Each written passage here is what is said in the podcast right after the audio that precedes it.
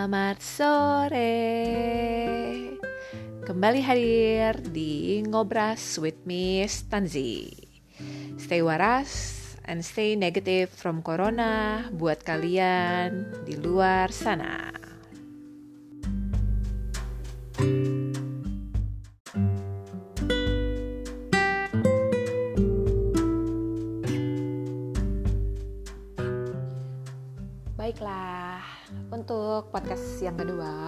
Bicara tentang masalah finansial. Apa? Finansial. Kenapa ngomongnya kecil-kecil? Karena penghasilannya juga kecil kayak penghasilan aku. Hah, curhat. Oke. Jadi kalau ngomongin finansial, sebelum gue ngomongin, jadi gue perlu kasih tahu dulu kalau di podcast kali ini yang lo orang tidak akan dapatkan adalah inspirasi untuk menjadi orang kaya. Sorry guys, gue aja masih struggling. Masa iya gue kasih inspirasi kalian buat jadi orang kaya? Salah sumber. Tapi yang kedua, yang bisa gue pastikan adalah gue tidak akan buka kotak donasi.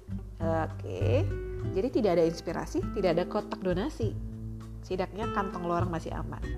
Amin. Baiklah, kita ngomongin masalah corona secara global dulu ya. Kalau ngomongin secara global, coba sebutin deh industri apa sih yang gak suffer? Susah banget nemuinnya mulai dari pariwisata orang udah mulai tuh nggak bisa ke mana-mana maskapainya tutup hotelnya tutup transportasinya tidak ada bahan bakar harga bum, minyak buminya turun bukan turun ya nyusruk oke okay. kita ngomongin masalah lifestyle kegiatan nongkrong-nongkrong ngopi fashion, belanja-belanji. Aduh, mall aja tutup, gengs. Belanja ke mana? Online. Ya, bisa juga sih. Cuma kan awal-awal ya sulit banget. Ngomongin masalah food and beverage, resto-resto pada tutup. Banyak deh pokoknya yang dampaknya ini ke mana-mana, termasuk di Indonesia. Sama, mirip kok. Bayangkan, pakai imajinasi kalian. Toko besar, restoran, chain restoran yang terkenal, jualannya udah mulai macam-macam. Karena tokonya tutup, jualannya kalau kalian mau, bumbu dapur pun bisa kalian dapatkan dari mereka. Yang kedua, misalnya, tiba-tiba orang jualan ini itu ini itu ini itu yang gak pernah jualan tiba-tiba jualan. Hmm, dengar cerita PHK, THR-nya nggak ada, potong gaji. Aduh, itu tuh udah kayak, oke, okay, dari yang sedih dengernya sampai sekarang tingkat kesedihannya udah kayak sedih ya, tapi mukanya flat. Kenapa? Karena udah sering banget dengerinnya. Bukannya nggak simpati, cuma lu udah nggak ngerti lagi harus bereaksi kayak gimana justru kayaknya yang harus di, di dikasih reaksi itu kalau eh guys ada yang naik gaji nih bulan ini itu baru lo bisa kaget-kaget ya. Kalau THR PHK ya iya wajar. Sering banget didengar lay off tutup apa pun itu deh ah. Itu udah kayak makanan sehari-hari ya.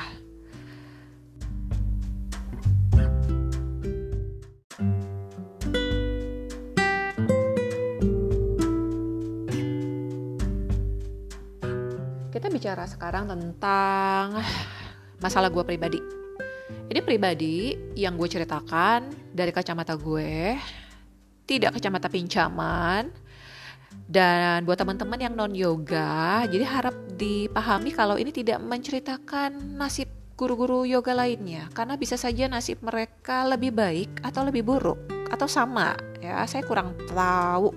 Tapi yang pasti ini dari yang gue alamin ya saat corona udah pasti kemarin-kemarin itu private-nya tutup udah nggak keluar rumah nggak mau ketemu gue atau guru dari luar yang notabene ke mana-mana. Office udah mulai kencengin ikat pinggang jaga-jaga budget udah mulai menghindari ngumpul-ngumpul terlalu banyak orang dalam satu tempat. Studio-studio tutup isu-isu corona di member-membernya sampai akhirnya ditutup sama pemerintah tidak boleh beroperasi sempet. Uh, yang gue hadapin saat itu adalah tidak ada penghasilan sama sekali. Selama kurang lebih dua minggu deh kayaknya ya. Bayangkan gak ada penghasilan. Baru aja gue mutusin untuk resign. Kurang lebih satu semester tiba-tiba corona tiba. Corona corona. Eh kalau ketemu rasanya pingin tonjok deh.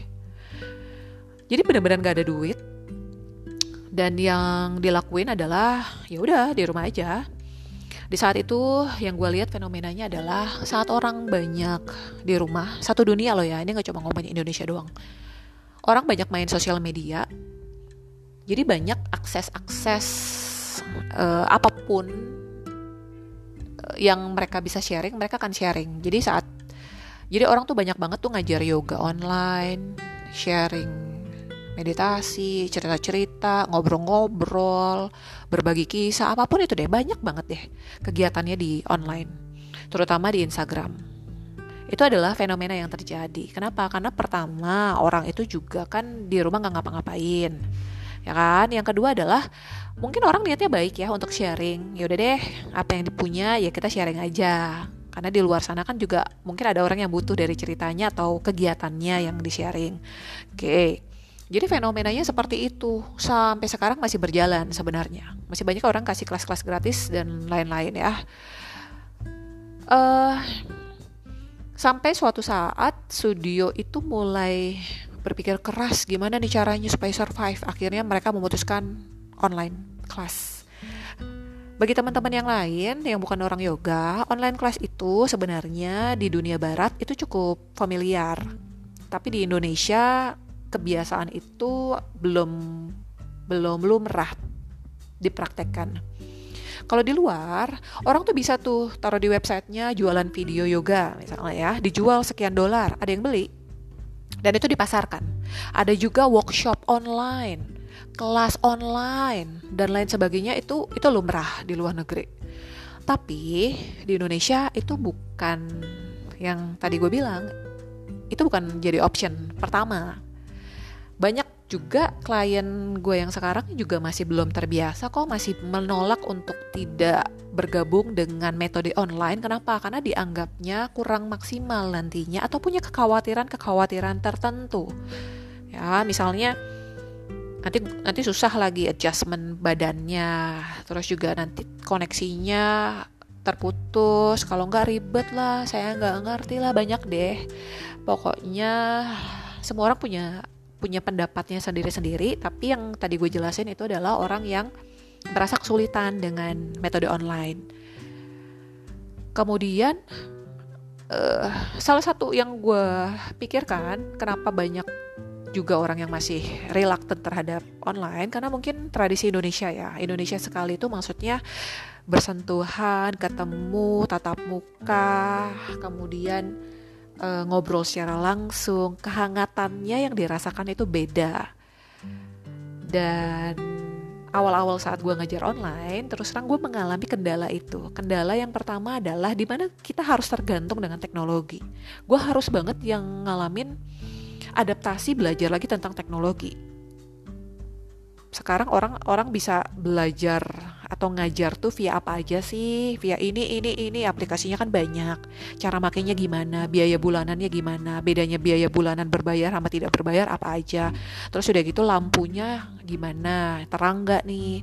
Kemudian gimana pakai speakernya atau headsetnya supaya orang jelas? Gimana caranya kalau orangnya banyak kita bisa ngelihat uh, tampilannya dengan lebih detail? Kalau lu gaptek lu bisa stres duluan sumpah kalau lu blow on lu bisa nyerah duluan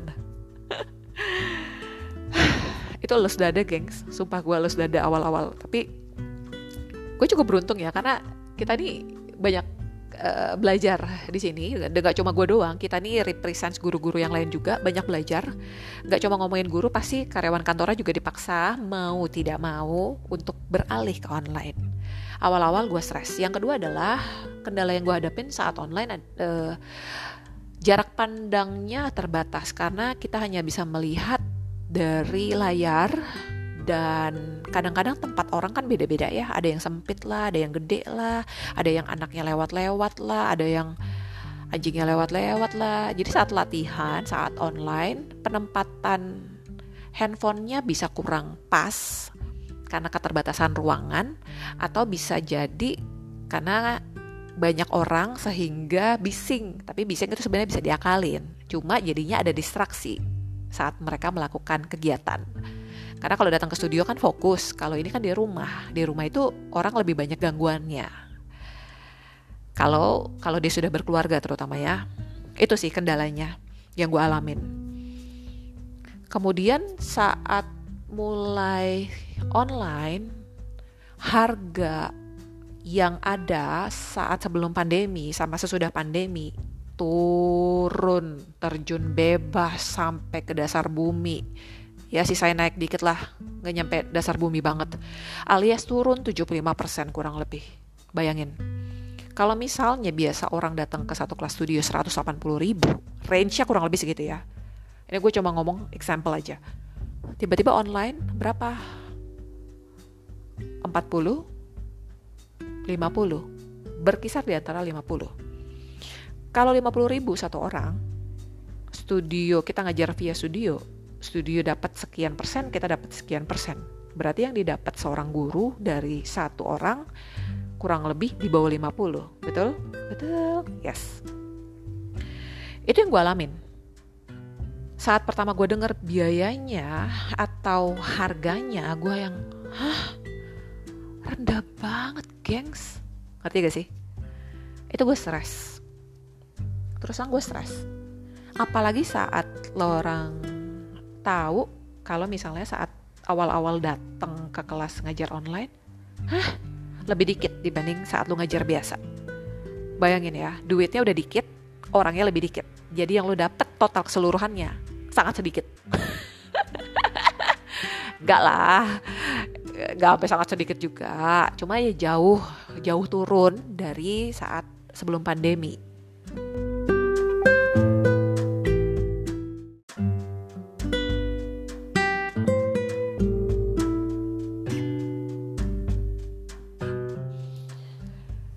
Jadi gue di saat transisi mulai beralih ke ngajar online, gue mengalami berbagai macam emosi.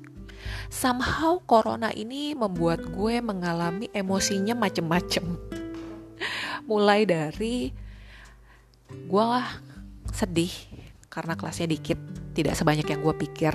Yang kedua gue marah karena gue merasa tidak dihargai saat gue terima hanya segitu dari sekian orang total keseluruhannya jadinya lebih dikit. Kedua gue merasa ilmu yang gue terapkan selama ini kok bisa turun nilainya secara drastis.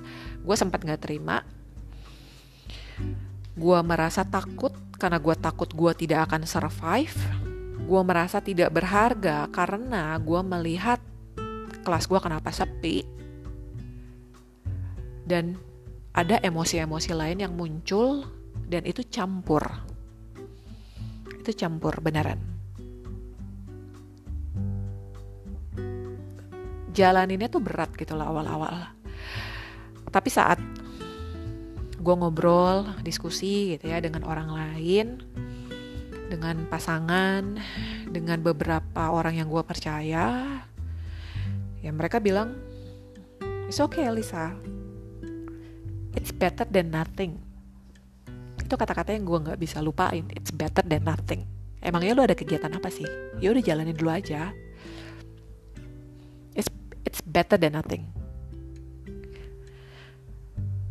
Itu kata-kata yang terngiang-ngiang di gue dan sempet gue kayak anjrit nothing sih nothing. Tapi gue berasa kayak harga diri gue diinjak-injak gengs. Ngerti gak sih? Kayak misalnya biasanya lu dapatnya sekian tiba-tiba jauh sekian dengan durasi yang sama atau effort yang sama gimana nggak sedih marah dan lain-lain yang tadi gue yang tadi gue omongin.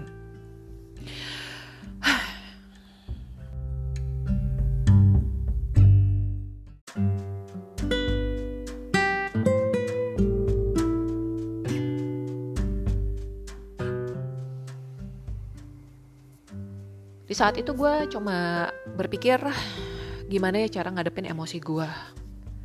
Ngerti gak sih? Emosi gue yang campur aduk itu gimana ya caranya gue supaya bisa handle gitu loh. Dan gue sempat juga curhat ke beberapa orang. Banyak kok yang ngalamin hal yang kurang lebih sama seperti gue. Ada juga, sekali lagi ya, ini tidak merepresentasikan guru-guru secara keseluruhan. Ini yang gue alamin. Ada juga kok yang lancar-lancar aja, lancar jaya malah. Jaya. Ngerti gak sih? Jayanya pakai penekanan. ada juga yang kayak gue suffer kemarin-kemarin di awal-awal suffer terutama secara mental. Terus saat ada satu hari di mana gue putusin iseng-iseng nih udah deh gue mau jalan keluar aja deh gue sumpah di rumah gue pengen beli makanan di luar nanti gue take away aja yang penting gue bisa hirup udara segar tak segar. Gue nggak bisa bilang udara di luar segar ya karena virus coronanya beterbangan asik. Ya saat gue keluar ke Jakarta Selatan dan gue lihat sekumpulan orang itu banyak banget ya sepanjang jalan. Gojek-gojek online itu pada nangkring tidak hanya gojek online tapi juga banyak orang-orang lain yang nggak tahu nggak jelas itu apaan. Kok itu apaan sih? Nggak jelas itu siapa gitu ya. Dan mereka dari saat gue datang ke sana gue order gue pulang mereka masih di sana tidak berkutik. Masih ngeliatin handphone masih nyari orderan. Terus gue sedih sih. Gue sedih bukan dalam arti sedih mensyukuri mereka ya, tidak. Tapi gue sedih karena gue melihat, damn, mereka mau kerja banget loh sampai keluar rumah panas-panasan di luar di bawah pohon pakai jaket punya resiko tinggi gitu ya untuk terkontaminasi mereka masih nyari duit tapi susah nyari duit saat orang ngomong sama gue, it's better than nothing. Sebenarnya, kalau gue pikir ulang, gue sebenarnya ada option kok. Tidak sih? Gue ada option. Di, ada beberapa orang yang mau kerja tapi tidak ada jalan, tidak ada kesempatan, tidak ada skill. Gue ada ketiganya. Cuma mindset gue yang salah. Salahnya di mana sih? Gue itu terlena mengharapkan hasil yang sama di situasi yang berbeda. Karena gue pikir, oh effortnya sama nih, hasilnya harusnya sama. Huh. Itu bikin gue gila, gengs. Bayangin, gue menghasil, gue berharap gue menghasilkan yang sama sebelum corona dengan yang situasi sekarang saat corona di mana orang-orang juga pada struggle. Semua orang punya alasannya masing-masing, punya masalahnya sendiri-sendiri, right? Dan gue gak bisa baperin itu terus menerus. Yang ada gue yang stres. Dan saat gue pikir kayak, oh iya ya, gue nih yang gak waras kayaknya nih. Kayak I have to adapt. Gue harus adaptasi gue nggak bilang kalau gue seneng atau nggak apa-apa deh satu orang doang atau cuma dapat sekian puluh ribu. Enggak enggak gitu. Tapi gue harus belajar untuk berbesar hati menerima situasi sekarang. Dan itu butuh proses. Ngerti gak sih? Saat lu berubah dari situasi A ke situasi B transisinya gak selalu mulus. Yang jadi masalah adalah saat lu menolak transisinya. Gitu loh. Kayak kita dari sini mau lompat ke B, tapi lu menolak untuk melompat. Gimana bisa lu ke B? Arti gak? Bisa jadi saat lu lompat malah lebih bagus gitu loh. Itu yang gue alamin. Dan itu yang gue pikirkan.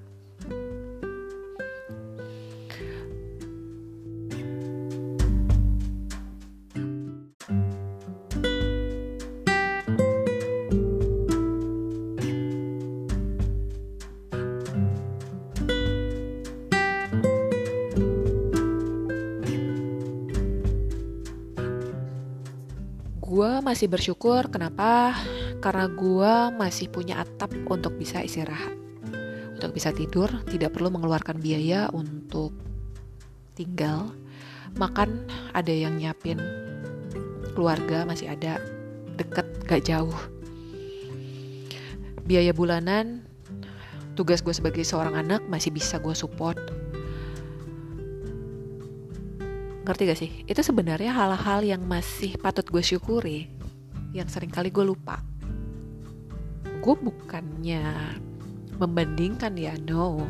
Tapi gue harus tahu kalau di luar sana ada orang yang harus kerja jauh lebih keras untuk bisa bertahan hari ini.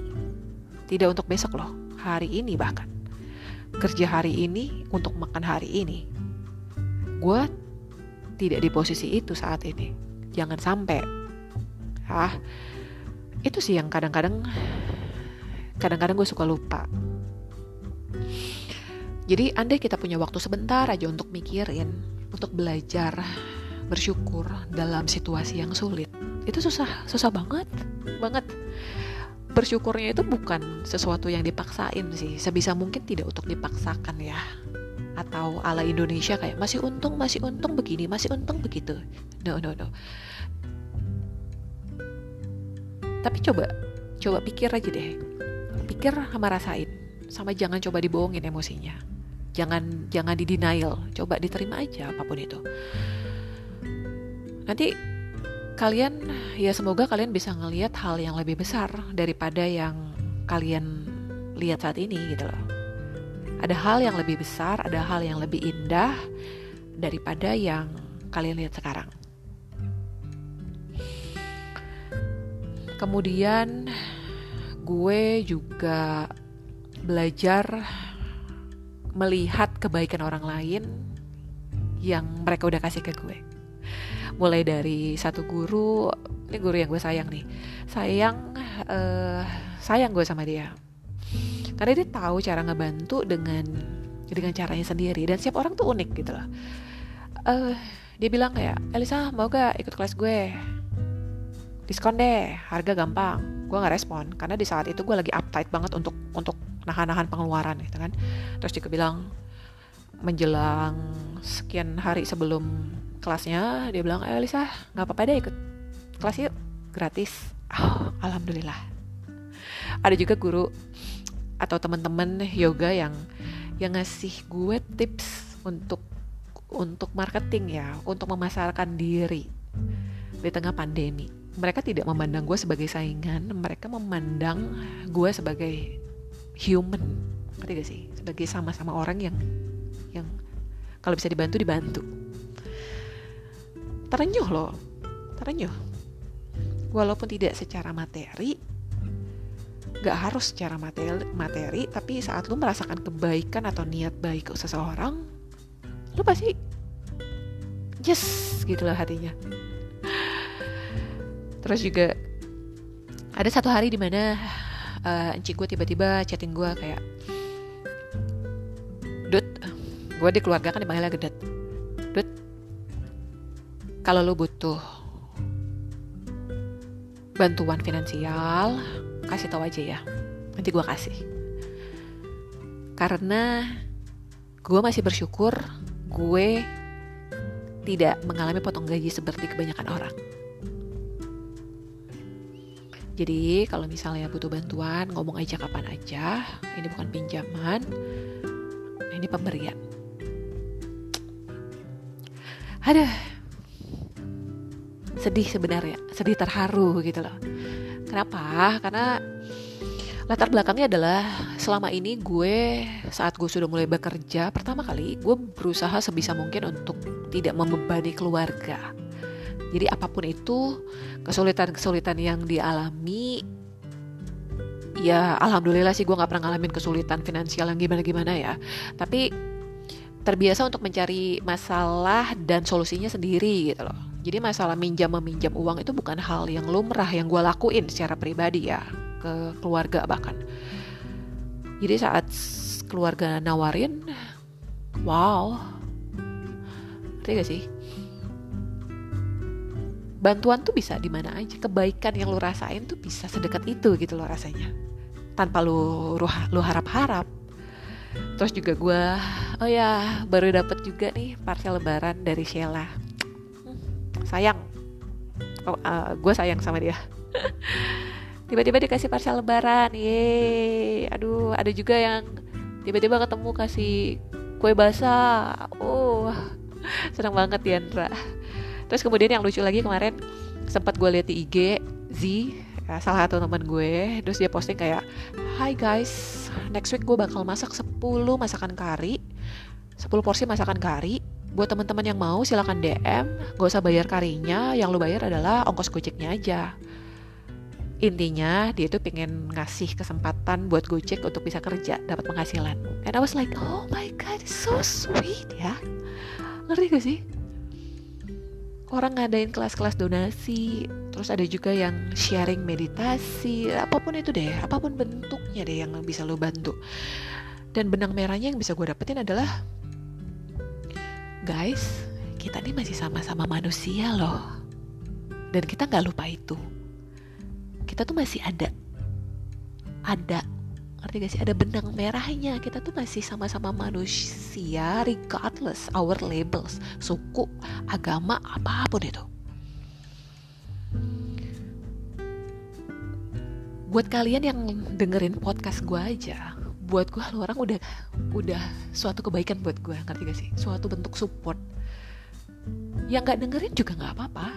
Setidaknya masih masih kontak gitu loh kita.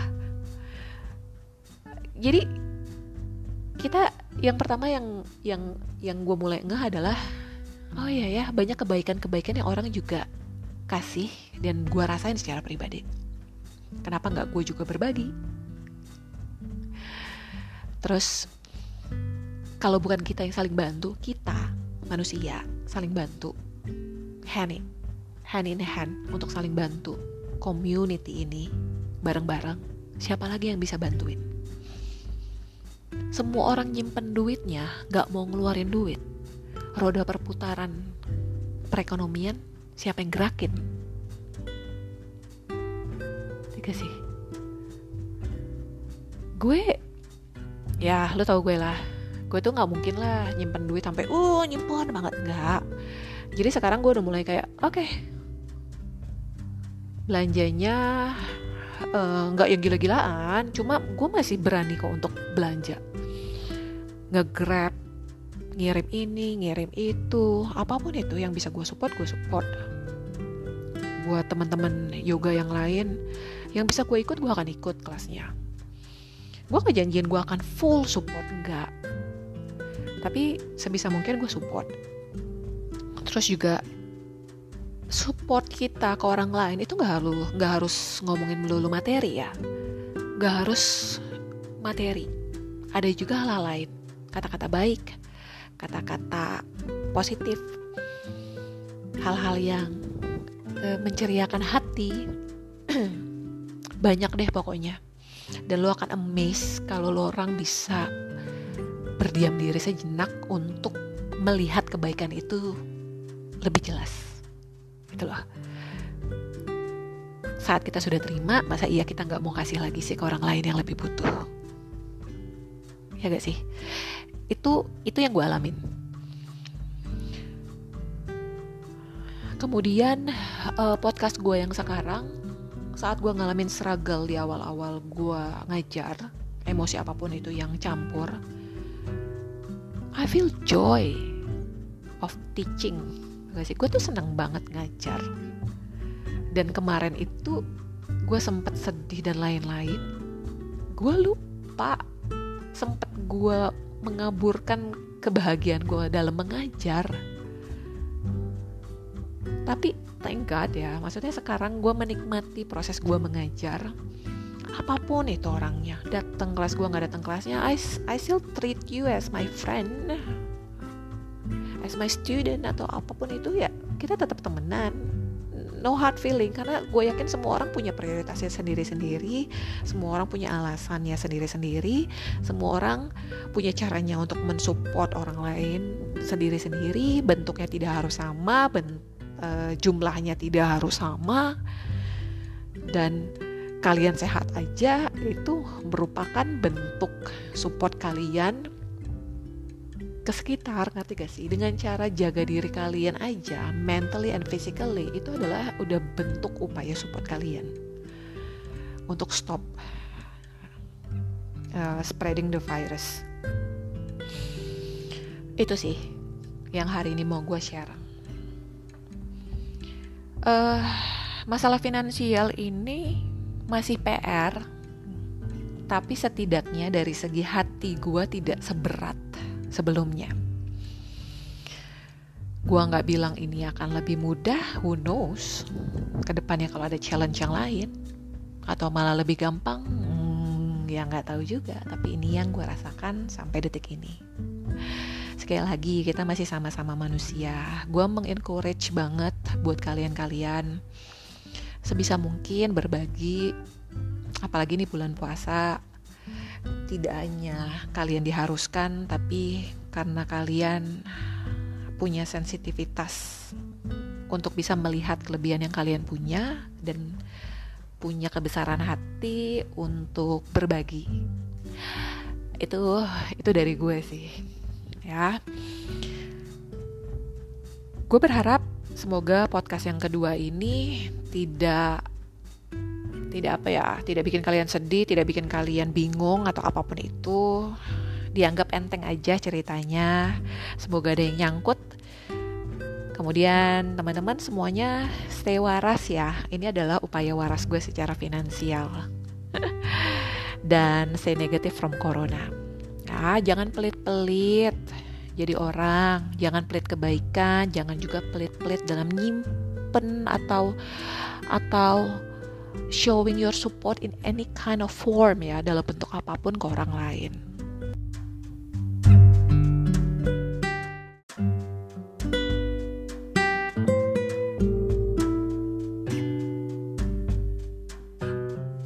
Dan sekarang juga gue berkesempatan untuk mengucapkan terima kasih buat teman-teman sekalian, murid murid yang masih kontek-kontekan, buat studio yang juga sedang struggling. Makasih banget. Karena kita jalanin ini hand in hand sama-sama dan kita tahu ini gak gampang. Dan terima kasih karena sudah saling support ya. Kita saling support. Semoga podcast kali ini tidak ada asumsi jelek terhadap kalian terhadap studio karena I really appreciate all the effort all the partnership yang kita punya dan buat teman-teman sekalian juga yuk support you untuk studio-studio supaya bisa tetap jalan, kalian juga sehat dan ada kegiatan. Itu supaya bentuk saling bantu aja sih.